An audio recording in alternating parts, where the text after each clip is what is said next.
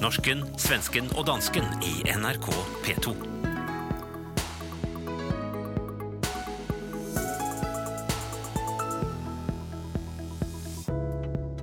Välkommen till nok en sesjon med skandinavisk familieterapi där man ska lufte alla problem man har på hjemmebane.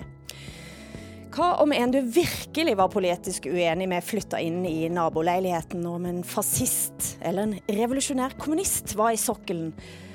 Sånt naboskap reagerer danskene på, viser en fersk undersøkelse. Og den skal jeg, norske Hilde Sandvik, snakke med mine naboer i Sverige og Danmark om. Og fast svenske i norsken, svensken og dansken, Åsa Linderborg, kultursjef tidligere og kommentator og samfunnsdebattant. Eh, hallo fra Stockholm. Hallo. Fast danske, Hassan Preisler, eh, som jeg kan kalle både dramatiker og forfatter og radio, tidligere radiomann osv. osv. Men altså forrige uke så sa du, Hassan, at på dette programmet ser du på som familieterapi. Og hvordan har du hatt det egentlig den siste uken? Ja, det er jo et godt spørsmål. Ja, jamen altså, jeg, øh, jeg, ja, jeg, jeg ved ikke, om det er vinterdepressionen, der nærmer sig, men jeg synes, at jeg har været meget sort seende den seneste uge. Mm. Jeg synes sådan på mange niveauer, at eksistensen er ret fortvivlende. Mm. Det ophører normalt i marts måned igen. Mm. Men, øh, men sådan har jeg det faktisk for tiden. Ja, altså det, det, jeg synes er det mest øh, fortvivlende, jeg oplever lige nu, det er faktisk ikke øh, klimatruslen, øh, men truslen fra tidsånden, altså the zeitgeist, eller hvad, hvad, hvad det nu, jeg ved ikke, hvad hedder det på norsk jo, og svensk? Jo, man kan sige tidsånd. Tidsånden, ja. ja. Mm. Altså denne her ofte meget kollektive og brutale ensretning, der foregår, som ligesom fordømmer og udstøder alt det, der er anderledes tænkende. Mm. Øhm, jeg synes, det er meget dominerende i vores tid, og meget fortvivlende, fordi jeg er kunstner og arbejder med kunsten, som burde være det, der adresserer alt det, vi ikke kan adressere, og tager alle de besværligste diskussioner af det, der er oppe i vores samtid? Det er jo faktisk noe av det som jeg tenker at vi kan snakke om eh, i, i dette programmet. Og noe av det som jeg har tenkt mye på siden sist, er at det er ganske lite rom i øyeblikket for å tenke høyt offentlig. Altså Tenkingen blir liksom mer og mer privat, og med en gang du sier noe ut, så blir du litt sabla i stykker. Og eh, for, for, å stupe rett inn i det, også, både du og meg, vi stupte litt inn i selvransakelse, rett og slett, etter forrige ukes program, da vi diskuterte rettssaken mellom Sissi Wallin og Fredrik Virtanen. Altså en rettssak eh, som handler om eh, troverdighet, men som rett og slett eh, går på om Fredrik Virtan er ærekrenka av at Sissi Wallin gikk ut og sa at han hadde voldtatt henne. Eh, og hvorfor fikk du litt kalde føtter, Åsa? Eh, ja, först måste jag säga, jag håller ju helt med, med Hassan här om att vi lever i väldigt svartvita tider där det är svårt att, att tänka högt. Det är svårt att, att nyansera, det är svårt att fundera och grubbla högt utan eh, det är väldigt hårda, hårda tag och det är väldigt moraliserande tider som vi lever i. Mm. Och metoo är ju eh, typexemplet på det. Men jag fick lite kalla fötter därför att när, när jag pratar om Fredrik Virtanen i, i, i programmet så, så, så pratar jag om honom som en helt oskyldig man. Och faktum är att rent juridiskt så är han en oskyldig man. Mm. Han är oskyldig och därför så kan man inte påstå vad som helst om honom. Samtidigt så gör han själv en en ganska stor grej av i sin, eh, i sin bok om sig själv och i berättelsen om sig själv att han har levt ett svinigt liv. Och jag kan bara sig- kort Ja. inn at han var, altså han, han var kjent som eh, kulturkommentator i Aftonbladet og mista jobben òg pga. Eh, disse anklagene. Sant? Så bare Just det det. ligge fast som hvem han var. sant? Just det, jag pratar som om alla känner, känner till saker med Fredrik Virtanen. Men fallet Fredrik Virtanen är alltså det som, som är startskottet på metoo-revolutionen i Sverige. Och eh, han blev alltså anklagad då för att ha våldtagit en kvinna för 11 år sedan. Och sen så har det nu varit rättegång om grovt förtal där allt tyder på att han kommer att vinna den rättegången. Men han har blivit en symbol för dels för den rättsosäkra metoo-revolutionen hur män kan råka illa ut som inte är dömda för någonting. Men han är också en symbol för att män som beter sig väldigt illa aldrig åker dit. Så att han, han, har liksom, han bär två symboler i sig. Och, eh, och jag förstår om många kan tycka att jag låter iskall eh, som, som på något sätt vill säga att inga kvinnor någonsin har rätt som anklagar någon man. Det finns väldigt många kvinnor som har farit illa och han är definitivt inget helgon. Men här pratar vi om rättssäkerhet och pressetik. Ja, for, och altså, då det måste var- man hålla ja. sig till det regelverk som finns. Og det var litt mitt utgangspunkt òg. Altså den der mm, Syns vi det er greit at mennesker, eh, hvis en eh, ikke når fram i rettsapparatet, så lager en sin egen eh, domstol? Eh, folkedomstol. Og én ting er at Sissi Wallin der skriver om noe hun har opplevd som veldig krenkende, og, og hun mener å skrive at hun er blitt voldtatt. En ting er henne, eh, men så skjer det da at det blir på et vis en stor mengde mennesker som heller ikke kan vite noe mer enn kanskje meg eller deg eller Hassan om hva som egentlig har skjedd.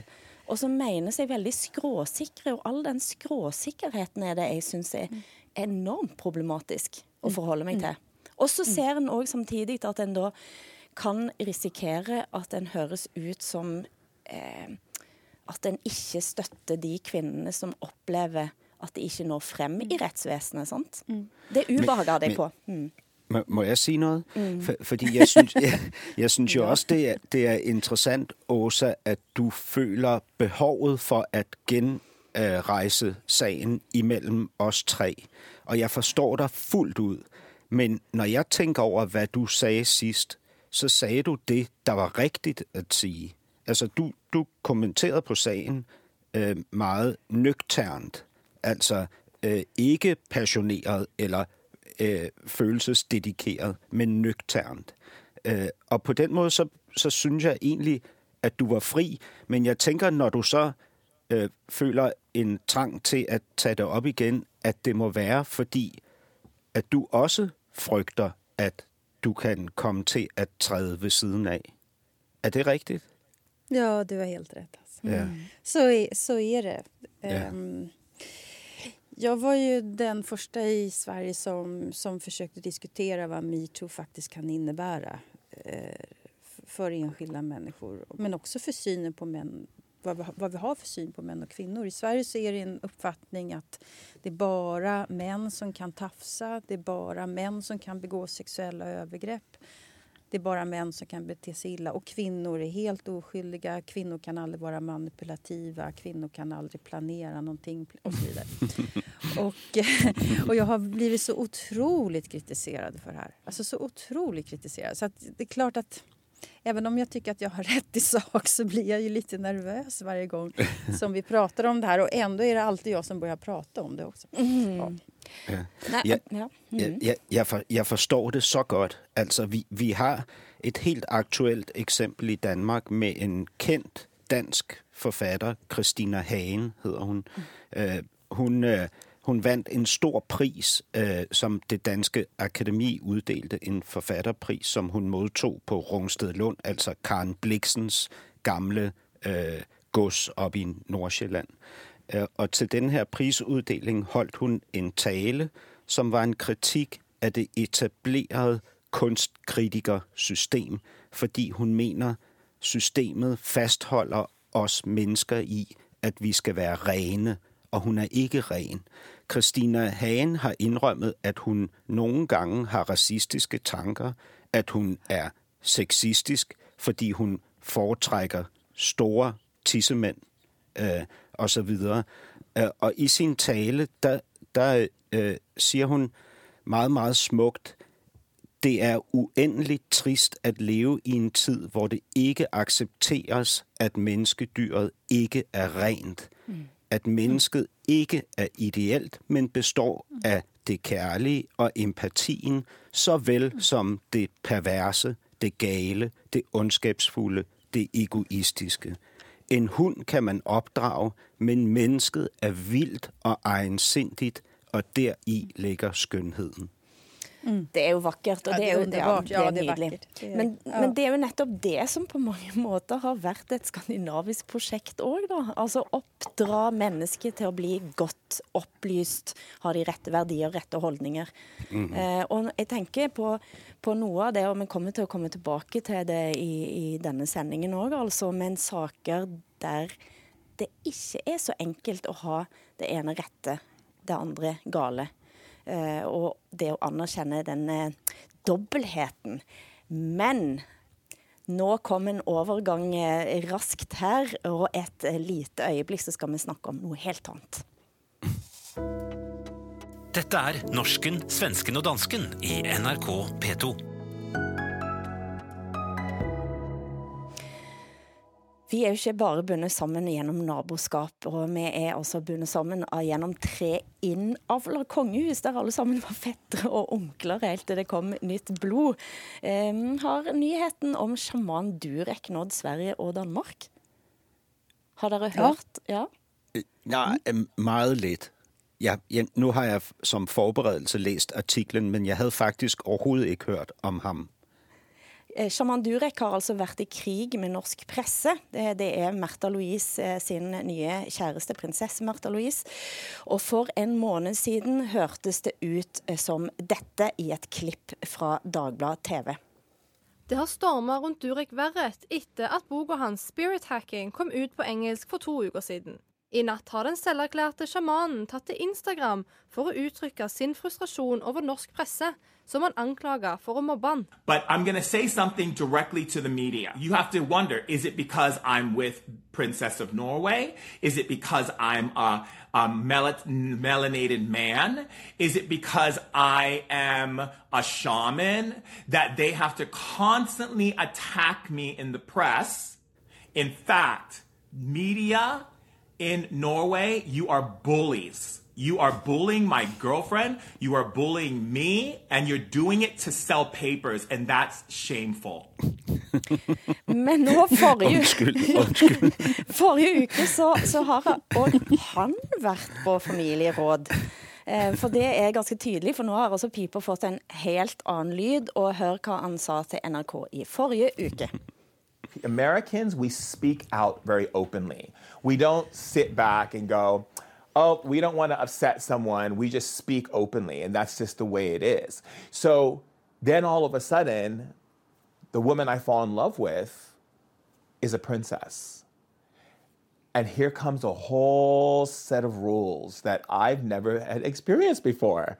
Now, thanks to my father and my upbringing, I have the etiquette aspects of things because my dad was very strict with etiquette because of our, the way our family was raised. However, you know, I'm learning. And you know, and I'm sorry, people, if I've hurt you with some of the, the the extreme things that I say sometimes, because I'm learning. I'm molding myself to be what I can be to understand, you know, the culture and and and the people. Ja, det, Ja, det, ja. det lyder som om shamanen har været på opdragelseslejr i Sibirien. ikke? Altså, Han er, nu, nu har han lært den skandinaviske tidsånd. Ikke? Han forstår, hvor hårdt den kan slå. Den kan slå hardt, og det er jo ingen lett familie å komme inn i dette. Det har vært en rekke ulike ankomster, eh, både vel i Norge, Sverige og Danmark inn i disse kongefamiliene. Og, og hvem har klart seg verst og best, kan en jo stille spørsmål ved. Hvordan ser dette ut i, i Danmark? Hvem har klart seg best, vil du si, Hassan? Altså, hvem, hvem tænker du på? Ankomstene inn i kongefamilien. En hadde jo en prins som ikke heller ville gravlegges ved siden av en kone eh, nylig. Ja, altså, jamen, det, det her, altså historien med shamanen minder jo en del om historien med prins Henrik, som giftede sig med dronning Margrethe og kom til Danmark øh, for mange år siden, og som døde for ikke så lang tid siden. Øh, fordi han var jo også hele tiden på kollisionskurs med tidsånden i Danmark, og havde meget, meget svært ved at undertrykke sin kulørthed mm. øh, i forholdet til det grå, han mødte her øh, i vores lille nation mod nord. Øh, langt bedre er det jo gået for øh, kronprinsesse Mary, som er gift med kronprins Frederik. Hun er fra Australien og har gjort det rigtig godt. Hun lærte dansk på ingen tid og har fuldt ud forstået, hvordan man begår sig for at passe ind. Lært sig at hygge. Mm. Mm. Det jag tycker är så intressant med den här shamanen det är om man tänker vad, vad ska ett kungahus symbolisera? Och kungahuset ska ju alltid vara förebilder, de ska prata sanning, de ska stå för förnuftet och stabilitet och de ska vara förbundna med Gud. Och så kommer det kommer in en man som håller på med hokus pokus. en, helt annan, en helt annan syn på vetenskap och tro och sådär. Och I en tid när, när vi oroar oss väldigt mycket för fake facts. Jag tycker det är helt underbart. Altså, man, Det- tænk, man det tænker er så også, at. Ja, jeg synes også, det er vidunderligt. Men man tænker også, at øh, prinsessen er i oprør mod sin familie. Er hun det? Altså, hun har vært en opprørskvinne, vel antageligvis hun var født, og drevet med hestevisking og, og diverse, og vært gift med Ari Behn, ikke minst. Så dette er jo en opprører. Ja. Vi skal senere snakke om naboskap, men, eh, men eh, hva med å få inn i familien det som dette handler om? For det har altså da denne mannen opplevd, og her har du kronprins Håkon eh, i NRK forrige uke. Har du noen tanker rundt eh, dette med boken til eh, kjæresten til Märtha, at den er stoppet nå? Ja, Det er jo da opp til eh, forlaget om eh, de ønsker å utgi en bok eller ikke. Så det har jo tillit til de har tatt sine vurderinger der. Har du noe mer om boka? Utover det? Ja, altså Utgangspunktet mitt er at vi har ganske forskjellig tilnærming til disse spørsmålene. Jeg hadde vel tatt utgangspunkt i, i kanskje eh, forskning på helse eh, og det norske helsevesenet, egentlig. Ja. Dette var altså bo- boken til Shaman Durek som ble stoppa etter at Cappelen da måtte innse at det sto en del ting her som var i strid med hva som faktisk er tilrådelig helsemessig. Eh, vi skal seinere, altså vi kommer, kjenner vi kongehuset rett, så, så er det ikke akkurat siste gang vi kommer til å snakke om det. Men det var alt for denne gang. Naboskap, Hassan. Eh, det har en diskutert i Danmark i eh, de siste uken. Hva har skjedd? Jamen, det, i din introduktion, der øh, stillede du det op som om, at det i Danmark er sådan, at man ikke vil være nabo til en ekstremt højorienteret fascist eller en ekstremt venstreorienteret øh, aktivistisk kommunist. Men det er faktisk ikke det, der er tilfældet i Danmark. Jeg måtte spisse litt, da. Ja, et, et, studie viser, at 50, altså 50 procent af dem, som stemmer på de venstreorienterede partier, ikke ønsker, at deres nabo er højreorienteret, altså stemmer på for eksempel Dansk Folkeparti. Det er altså halvdelen af de venstreorienterede vælgere, som ikke ønsker en højreorienteret nabo.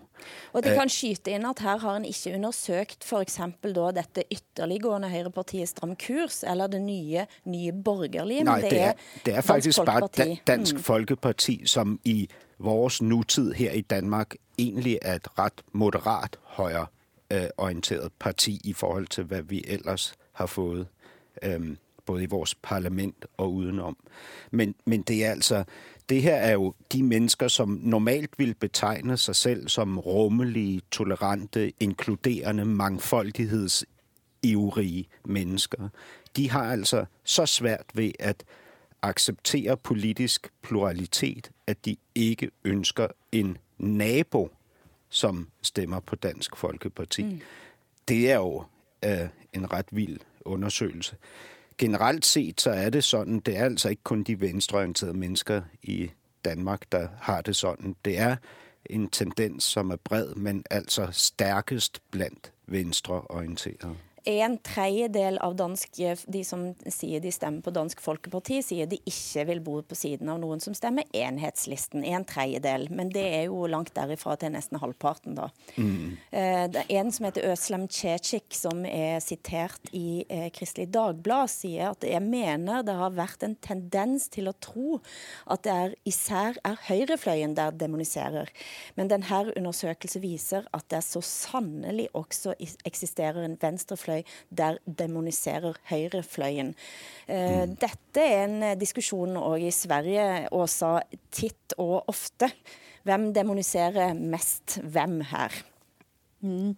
Jag tyckte det där var det var en väldigt intressant uh, undersökning. Jag vet inte hur många som har svarat. Men, 1800, men, 1800 ja, så det är representativt. Ja, men jag, jag, jag, jag, tar det här på allvar helt enkelt för att jag tror att det är så här det ser ut. Och det, det ser ju det bostadsområde där jag själv bor, eh, nämligen Södermalm. Mm. Eh, där eh, går man runt bland likasinnade progressiva människor och alla tror att vi är överens.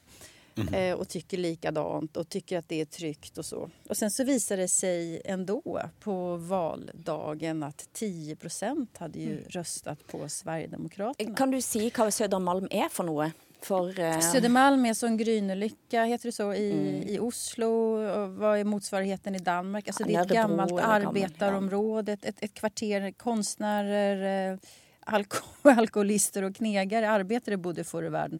Och mm. nu är det journalister, eh, eh, människor med ganska mycket pengar som är progressiva ah, yeah. eh, och sådär. Ja. Eh, och röstar eh, grönt eller, mm. eller rött i, i huvudsak. Men även, även det förändrar sig. Men även, även där så, så blir det fler och fler Sverigedemokrater. Men du har, eh, Åsa, du har ja. en bakgrunn fra venstre, ganske langt mm. ut på venstresiden. Absolutt. Ja. Um, og denne, denne, tendensen til å uh, dele mennesker opp i rettroende og ikke-rettroende, ja. har vi ikke sett det en gang før i historien? 70-tallet, 60-tallet, 70-tallet. Uh, altså med den ytre venstre, altså med den renhetstanken som lå, lå der. Ja, det är en väldigt stark eh, renhetstanke. Och jag skulle också säga att när, när det finns ett visst stort mått av klassförakt i det här också. Väldigt många som röstar på Sverigedemokraterna eller Dansk Folkeparti tillhör ju inte de här eh, högskoleutbildade eh, mm. människorna utan de, de, de, kommer ofta från samma samhällsklass som min pappa. Och, och din eh, pappa märkt, var... Ja, han, var metallarbetare ja. helt enkelt. Ja. Mm. Och, eh, han var ju visserligen röd men han är typexemplet för en sån som skulle kunna rösta på Trump eller Dansk Folkeparti eller Sverigedemokraterna. Någonting sånt där.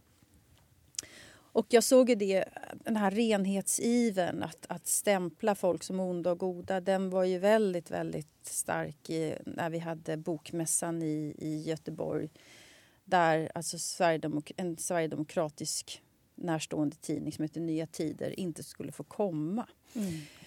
Eh, och, då, och då blev det ett jävla liv kring det där. Och det är ju vänstern helt enkelt som bedriver de här kampanjerna som är de mest åsiktsintoleranta i den svenska offentligheten. Eh, samtidigt som det är de som ropar att, det, att demokratin är, är satt i fara.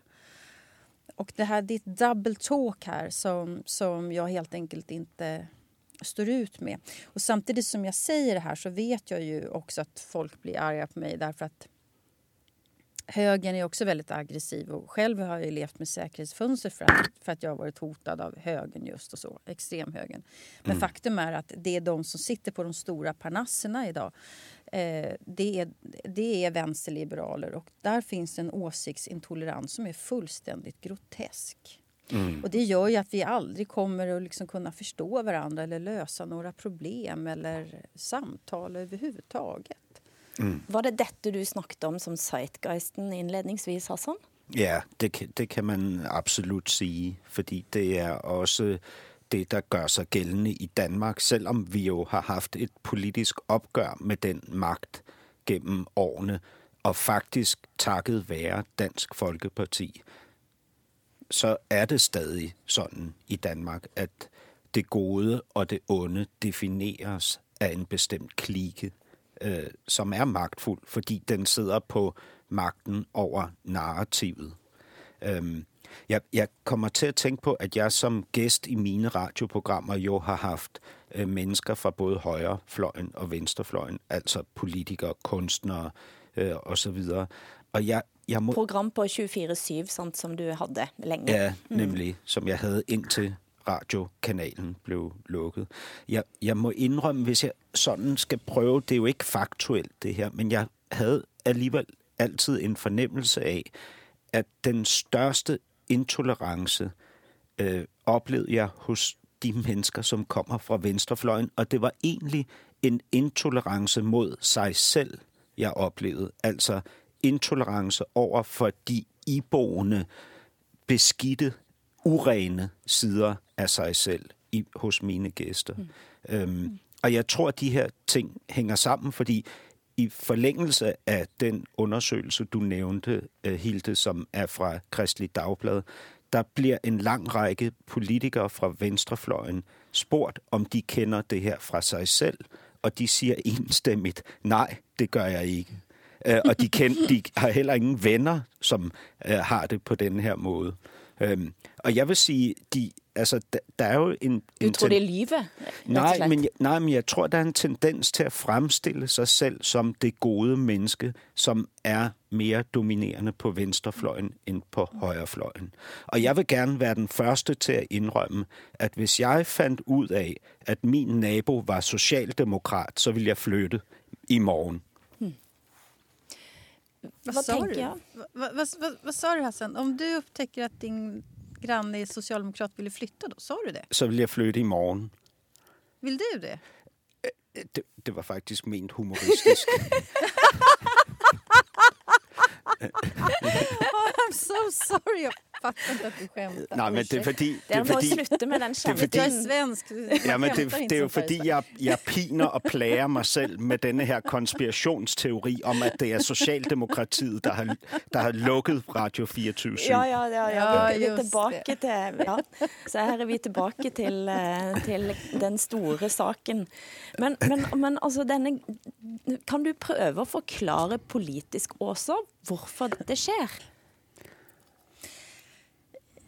Alltså förut så har jag tänkt att det här har att göra med Sveriges speciella historia. Att vi var inte med under andra världskriget och därför så, så har vi skuldkänslor och därför så måste vi visa att vi är en moralisk... Eh, alltså Ja, men har- hører du at dette er i Danmark og, og Ja, ja precis. Det, det är det jag och- menar. Att det, är- det, jag, alltså vi lever ju i... Vi lever, skulle jag säga, i ganska allvarliga tider. Det är ett... Som man kan säga med ett historievetenskapligt begrepp, det är ett formativt moment. Alltså det är... Det är inte, det är inte, det är inte riktigt ordning liksom i, i maktsfären utan det är en kamp. Det är en kamp om hegemonin, det är en kamp om vilken, värld, vilken väg vi ska, vi ska gå. Och eh, Liberalerna har aldrig varit så svaga som nu eh, samtidigt som de är fortfarande lika stöddiga, om, om jag får uttrycka mig så. Eh, och sen så kommer det en,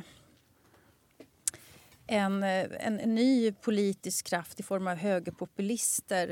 Eh, deras väljare röstade tidigare på Socialdemokraterna som är fullständigt slagna i spillror. Och då blir det ett, när det inte finns några ideologier riktigt som fungerar som de har gjort förut så måste, vi, måste det komma in andra parametrar och då blir det ont eller gott, svart eller vitt. Det är en amatörförklaring men, men jag hittar inte riktigt någon annan förklaring till att, att vi måste dela in världen i rent eh, ja, svart och vitt på det, här, på det här viset. Vi har liksom inga andra förklaringsmodeller för att alla ideologier har gjort bort sig. Men det er jo lidt frygteligt, fordi det er et forræderi mod menneskesjælen først og fremmest. Øh, jeg, jeg kan huske, øh, for nogle år siden læste jeg øh, Solzhenitsyn, øh, den russiske forfatter, som siger, at skillelinjen mellem godt og ondt går ned igennem hvert enkelt menneskes hjerte. Og det er meget, meget vigtigt at forstå og fastholde det. Øh, fordi lige så snart man ikke gør det, så begår man det forræderi mod menneskesjælen, men man bevæger sig også ud på en grund, som er meget farlig. I forrige uke så tenker jeg at det var, altså det var et ve veldig godt eksempel på det du snakker om, eh, Hassan. Jeg leste en mikrolog i danske Vikenavisen eh, av Søren Vilmos, som skriver altså om sin fars historie. Lars Vilmos, som opplevde dette som vi har snakket om nå, en venstrepøbel, en venstremobb, så konkret på kroppen at i denne nekrologen så antydes det at eh, dette var kanskje det også som drev han i døden. Men kan du forklare, du kjenner òg Søren Vilmos, eh, Hassan. Eh, kan Ja, du fort altså- fortelle hvem er Lars Vilmos? Hvem var han? Ja, altså Søren Villemos er en yngre journalist på Weekendavisen. Hans far var en kendt mus- musikkritiker, men også øh, undersøgende journal- journalist. Og hans far, Lars Villemos, afslørede det, vi i Danmark kalder Blekingegadebanden. Øh, Blekingegadebanden begik et røveri mod et postkontor, hvor de skød og dræbte en ung betjent. Øh, og denne her bande var en øh, venstreorienteret bande, som arbejdede for den globale socialisme mm. Og udbredelsen af den. Og i Blekingegade fandt politiet alle mulige ting og sager, altså planer om voldshandlinger, våben øh, og så videre og så videre. Vi kan høre et lite klipp fra en rettssak, og så snakke litt videre om eh, den. Dette er en rettssak fra 1991, når noen av disse eh, i Blekingegatebanden ble dømt. Tre mænd fra Blikingegadegruppen blev i dag idømt 10 års fængsel for røveri. En blev løsladt, da dommen faldt i dag ved middagstid efter 61 retsmøder. Efter cirka halvanden times votering kom nævningetinget og de juridiske dommere tilbage med afgørelsen i Blikkingegadesagen. Den 37-årige Nils Jørgensen fik maksimumstraffen 10 års fængsel for røveriet i Købmagergade. Nils Jørgensen har været gruppens kontaktmand til PFLP. Den 38-årige Torkild Lausen fik også 10 års fængsel for Købmagergadekuppet. Lausen er gruppens politiske ideolog. Den 43-årige Jan Weimann går for at være gruppens uformelle leder. Også han blev idømt 10 års fængsel for kuppet i Købmagergade. Eh, Og PFPL er er palestinsk frigjøringsorganisasjon, eh, og dette var et klipp fra DR 1991. Eh, Men dette skrev altså Lars Vilmos om. Ja, og Lars kom jo Lars Willemås kom jo på den måde til at stå i midten af den tids store opgør med venstrefløjens voldstyrkelse. Øhm, men lige så meget i et opgør, som handlede om selve journalistikkens sjæl og væsen. Hvad skal den kritiske journalistik? Øhm, og, og Lars Willemås var ikke en politisk højrefløjsjournalist, som ønskede at øh, afdække venstrefløjen kollektivt. Han var simpelthen en dedikeret journalist. Øhm, og øh, da han så kommer med de her afsløringer af Blekinggade-banden, så bliver han lagt for had mm. kollektivt af det, som Åsa så smukt beskrev lige før, altså det her parnas, den her øh, elite, det her magtapparat med en tidsånd, der øh, dominerer intenst. Han ble Eh, anklaget for å være tyster, altså stikker. Eh, Ja. Han ble, det ble eh, avholdt en demonstrasjon utenfor huset som Søren Vilmos sønn skriver om. Da han var tolv år gammel, så står det en rekke personer utenfor og sier nazisvin må dø. Ja, Ganske det jo- sterkt for det er jo- en, eh, en gutt. Ja, det er jo så Sørens erindring fra, han er 12 år gammel, ikke? At, at der står en, en stor flok demonstranter foran hans lejlighed og råber, Villemos, din svindler, du hænger snart og dingler, altså du skal hænges. Øhm, øh, og, og han blev så mistænkt for at være Mossad-agent, for at, at, at spille en dobbeltrolle, at have, have samtaler med politiet, og at han har lavet journalistik, som er i strid med retssikkerheden osv. osv. Sidenhen så er det jo kommet frem, fordi der er blevet skrevet bøger om den her Bleking gadebande af kendte forfatter, blandt andre Peter Øvig Knudsen, øh, som så har vundet Kavling-prisen, at alt, hvad han fremlagde, var sandt mm. og var lødig journalistik. Men det her... Men han døde ensom, han døde ja, det, med hullete klær, han døde præcis. som en ganske ødelagt mand. Ja, altså se, udstødt, ja. fordømt, ensom øh, og, og måske også fordrukken. Mm. Peter Øvik Knutsen, eh, som har skrevet prisbelønte verk om Blekingatebanden, som en vel innrømme, Åsa Linderborg, her at både du og meg satt i juryen og kåra til noe av mm. Skandinavias viktigste litteratur siden 2000. Ja, har I det? Ja. ja. Ehm, dette er en historie som selvsagt berører og vekker mange følelser. Ehm, har en den type historie òg i Sverige, og, og, og det å gå etter som det eh, godeste altså Lars Vilmos her gjorde. Eh, ja, nøler man? Det är ju en alldeles specifik historia det här. Jag måste också jag måste säga, jag eh, ju, har ju läst jättemycket om Blekingegadeligan som vi säger på svenska. Mm. Blekingegadebanden. Mm. Eh, eftersom jag är, har ju då ett engagemang i, eller hade i, i Palestinarörelsen Mm. om, jag ska, om, jag ska, om jag ska skämta lite med mig själv så kan jag säga... Alltså de, eller, de kapade ju flygplan. Eh, det, det, tycker jag är brutala metoder. Råna en bank, det tycker jag är okej. Men man ska inte döda folk. Det är, det är grejt att eh, råna bank. Det är det grejt var... att få finna ut av. jag vill bara säga detta. Men jag tror väl att det var väl bara... Det var väl faktiskt bara det sista bankrånet som det blev en, en som dog. Eh, det är lite märkligt att de hade ett sånt, sånt eh, facit. Eftersom de höll på i så många år, Blekinge eh, mm. Gadeband, att det inte blev fler skadade eller döda faktiskt. Det, det, är lite det är intressant i sig. Jag blev väldigt drabbad av eh, Sören Willemos nekrolog över sin pappa. Den är så otroligt välskriven. Och, ja, det är den. Alltså jag började nästan gråta för man ser den här pojken framför sig som, som också förstår vad hans pappa har för jobb. Han förstår ju precis eh, vad det innebär att vara journalist och han väljer själv att bli journalist. Mm. Eh, men sen så ser han ju också en pappa som går sönder mitt framför ögonen på honom. Jag tror man kan inte bara skylla vänsterrörelsen för det här utan det här är naturligtvis en man som har sina egna inre demoner som han själv medicinerar med alkohol, det har jag själv sett. Alltså man kan det, det var nog massa, massa skäl till att, till att eh, Lars Willemoes gick under. Men det är ett otroligt, otroligt rörande porträtt. Det är det. Mm. Det er, det, er, altså det er, noe med, med, kampen mellom godt og ondt som vi har snakka mange ganger om i dette programmet nå. Og for å dra en norsk parallell. Jeg bor i Bergen. I Bergen, Da jeg kom til Bergen på 90-tallet, så var det en stor sak eh, som alle i Bergens Tidende, der jeg var innom, snakka om hele tiden, og det var politivoldsaken. På 70-80-tallet så hadde det blitt avdekka voldelige uh, måter å håndtere uh, innsatte på hos politiet. Eh, og det var altså knytta bl.a. til to forskere, eller den ene forskaren, den andre er vel egentlig aldri forsker, men som var med. Det Nordhus og Edvard Vogt, eh, som altså uh, hadde undersøkt, forska og funnet fram til 360 voldsoffer for politiet. Eh, og denne saken har blitt bestridd. Han var inn og ut av rettsvesenet, og spørsmålet har hele tiden vært snakker de sant, snakker forskerne sant. Det har nylig kommet en bok som påstår at denne forskningen var svindel, og la oss høre på dette nyhetsklippet fra forrige uke.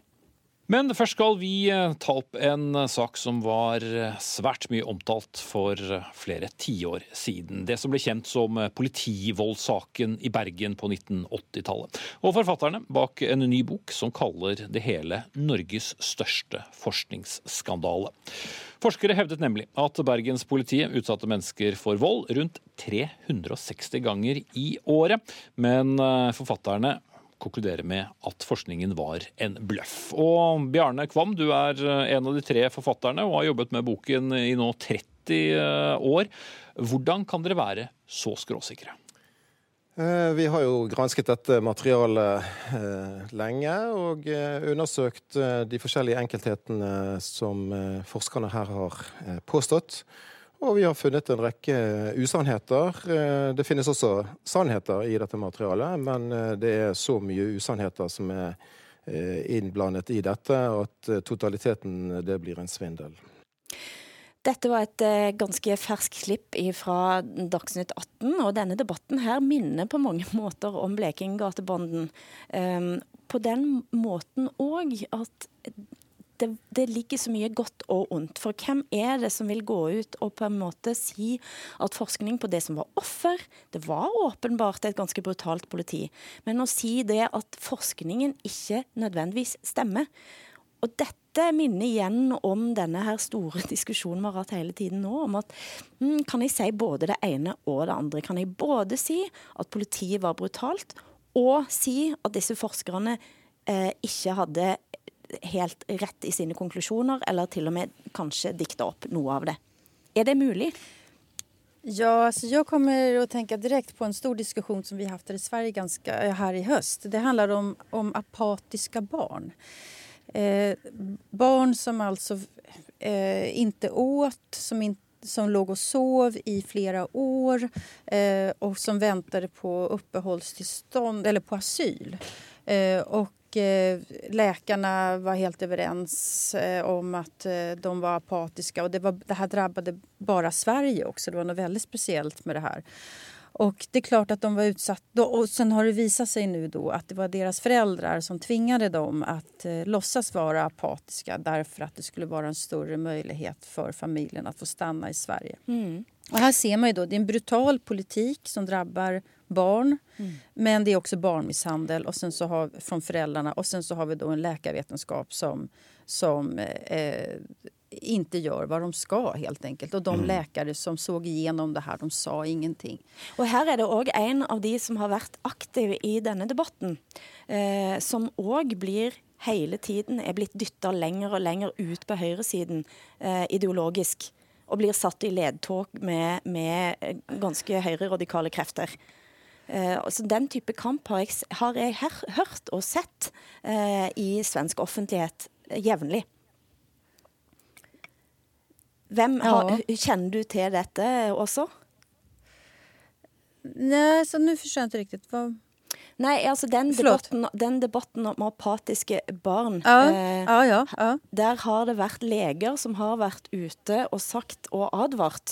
Eh, mm, men mm. som har på en måte inte blivit hört och som har blivit stämplade som högerextrema.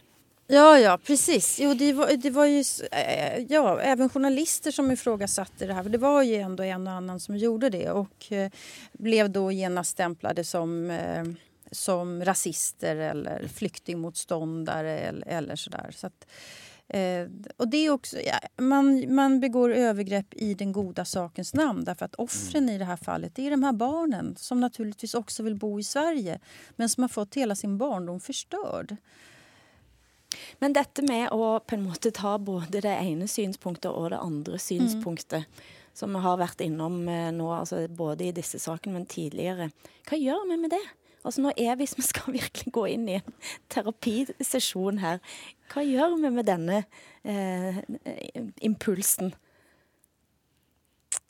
Altså impulsen til hva?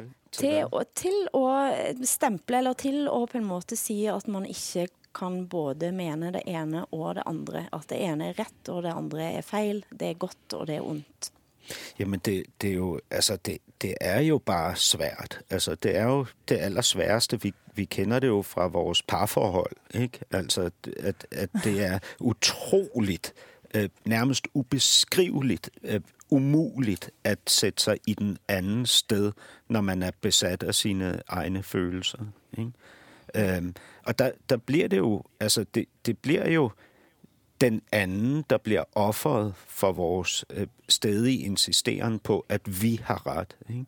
Og, og, øh, og øh, altså det, det er også derfor, når, når, når jeg taler om det her op imod for eksempel klimadebatten, hvor, hvor jeg synes, at det her er et større problem, så er det fordi, når vi taler om menneskehedens overlevelse, at menneskeheden skal overleve, så mener jeg, at der er et andet spørgsmål, vi bør stille, før vi konkluderer, at menneske, menneskeheden bør overleve, og det er, hvorfor skal menneskeheden overleve? Mm. Altså, hvis vi har offret alle principper alene for overlevelsens skyld, ikke? hvis vi er villige til at, at, øh, at marchere i takt, at begå uh, store forbrydelser mod uh, de anderledes tænkende osv., så, så er det vel, vel ikke en, en um, hvad kan man sige, en, en klan, der, der har fortjent at overleve. Altså, vi bliver jo mm. nødt til at insistere på, på, på det, altså det, det ultrahumanistiske, før vi øh, insisterer på, at vi skal være her. Altså, det, det er radikalt at sige, at jeg får paranoia lige nu, kan jeg mærke. jeg, jeg sitter helt stille. Nej, men alltså, det måste alltid finnas människor som säger emot eh, det. För träningen eh, måste, sanningen måste ju alltid tränas. Mm. Eh, vi som är så övertygade om, om att vi har rätt, eh, vi måste ändå alltid träna våra argument. Det, det är så. Men jag, jag tänker att det är en sak eh, att man som som en vanlig person då har, eller, eller, eller i, ett parförhållande tycker att man vet vad som är rätt och fel. Så det är någonting annat när journalister och forskare mm. inte riktigt vågar vara nyanserade. Men jag har ändå sett med, med, med tillfredsställelse på en diskussion som vi har i Sverige nu, nämligen eh, eh, könskorrigeringar och transpersoner. Vad kan man göra med ett barns kropp eh, när det gäller att byta kön? Och här, här ser vi ju då att att eh, det har varit en stark politisk opinion att det här ska man få göra innan man ens har fyllt 18 år. Man behöver inte ha föräldrarnas samtycke om man vill byta kön. Eh, samtidigt som läkarvetenskapen faktiskt inte vet någonting om det här. Och där ser vi nu att, att eh, journalister faktiskt vågar undersöka den här frågan och, eh, då, och det har fått politiska konsekvenser där man eh, eh, river upp beslut eller där man funderar i alla fall på att, att inte fatta beslut eh, eh som gör att, att eh, barn går in i operationer som faktiskt inte går att göra någonting åt sen.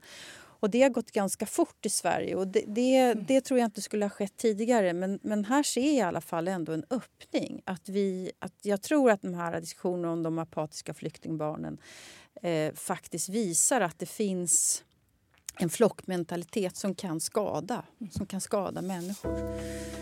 Dette er norsken, svensken og dansken i NRK P2.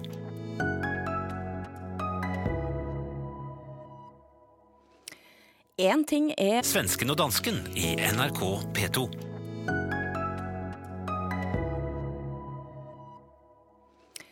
En ting er når vi ikke nesten klarer å snakke verken med familie eller med en nabo, men hva om det bryter inn noen helt andre eh, og, ikke, og vil sette oss i en eh, diplomatisk fryseboks, som det svenskene nå har opplevd med Kina.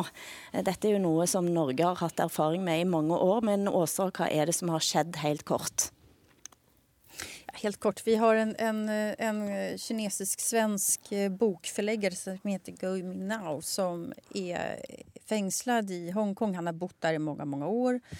Han är fängslad eh, eh och eh, utan rättegång men kinesiska myndigheterna säger att han, det beror på att han har kört ihjäl någon tror jag, i en bilolycka. Och, Eh, själv så säger han, och eh, i Sverige så hävdar vi att det har att göra med att han ger ut regimkritisk litteratur. Eh, det är du lite skeptisk till? Ja, vi, vi, vi, förlåt? Det är du lite skeptisk till, om det är det? Ja, alltså grejen är den att eh, Kina beter sig otroligt stöddigt mot Sverige nu och säger att kulturministern ska, ska hotas och det kommer att bli konsekvenser och, och de, de kräver en massa saker på ett sätt som, som eh, ja, det känns väldigt feodalt. Mm. Alltså det, det, vanligt folk struntar i det här naturligtvis men det, de, de, är, de är väldigt aggressiva på, på ett sätt som Det ser inte så snyggt ut. Altså, dette har jo vi hatt årevis av eh, erfaring med, eh, med etter at Li Chabot fikk eh, Nobelprisen. Nå er vi, vi liksom tilbake inn i varmen, men hvordan er det med Danmark? Er dansk forhold til Kina, er det fremdeles sterkt og godt, eller hva sier du, Hassan? Ja, altså, jamen, det er, et, vi har et perfekt forhold til Kina, vil jeg sige. Det er, er, øh, altså, det er jo faktisk en svensk-norsk dansk dokumentarfilm, som så er blevet truet af kineserne til, øh, til tavshed. Altså, den bliver ikke vist på den store kinesiske filmfestival, den her dokumentarfilm, Dan som hedder... sant? Ja, som hedder øh, Cold Case Hammarskjöld, mm. som er, øh, er altså en meget, meget succesfuld øh, øh, film, som har vundet priser på Sundance og er blevet vist øh, i mere end 50 lande. Øh, den kan altså ikke komme til Kina nu eh, på grund av Sveriges förhållande till eh, øh, Kina. Eh, men men Ja, alltså, det är ju intressant, för lige så snart man har en yttre fiende så älskar man hinanden eh, högre inom familjens ramme. Øh, vi kan ju nämnt finna en yttre fiende i Kina, det är ju helt upplagt, så det syns jag vi ska göra. Lad os, gi, den gas. Vi gi den gass, og først skal vi lite, bare høre en lite klipp ifra altså, eh, diskussionen rundt Hammarskjöld, Cold Case Hammarskjöld. Nyligen så deltog kulturminister Amanda Lind vid en prisceremoni för bokförläggaren Gui Minhai som sitter fängslad i Kina. Och det här retade upp Kinas ambassadör här i Sverige. Han sa att det här kan försvåra kulturutbytet mellan länderna. Vi söker såklart Kinas ambassad för en kommentar och har inte fått det än. Men så här säger filmens svenska producent om att den stoppas i Kina. Det visar ju att Kina inte är ett demokratiskt land. Och att man då på det här sättet eh, inför censur emot filmer är ju oerhört tråkigt. Det är ju också tråkigt för den kinesiska publiken. Alltså, vi tycker att det här borde vara en viktig historia även för dem. Att det är viktigt att förstå vad som hände med FNs generalsekreterare.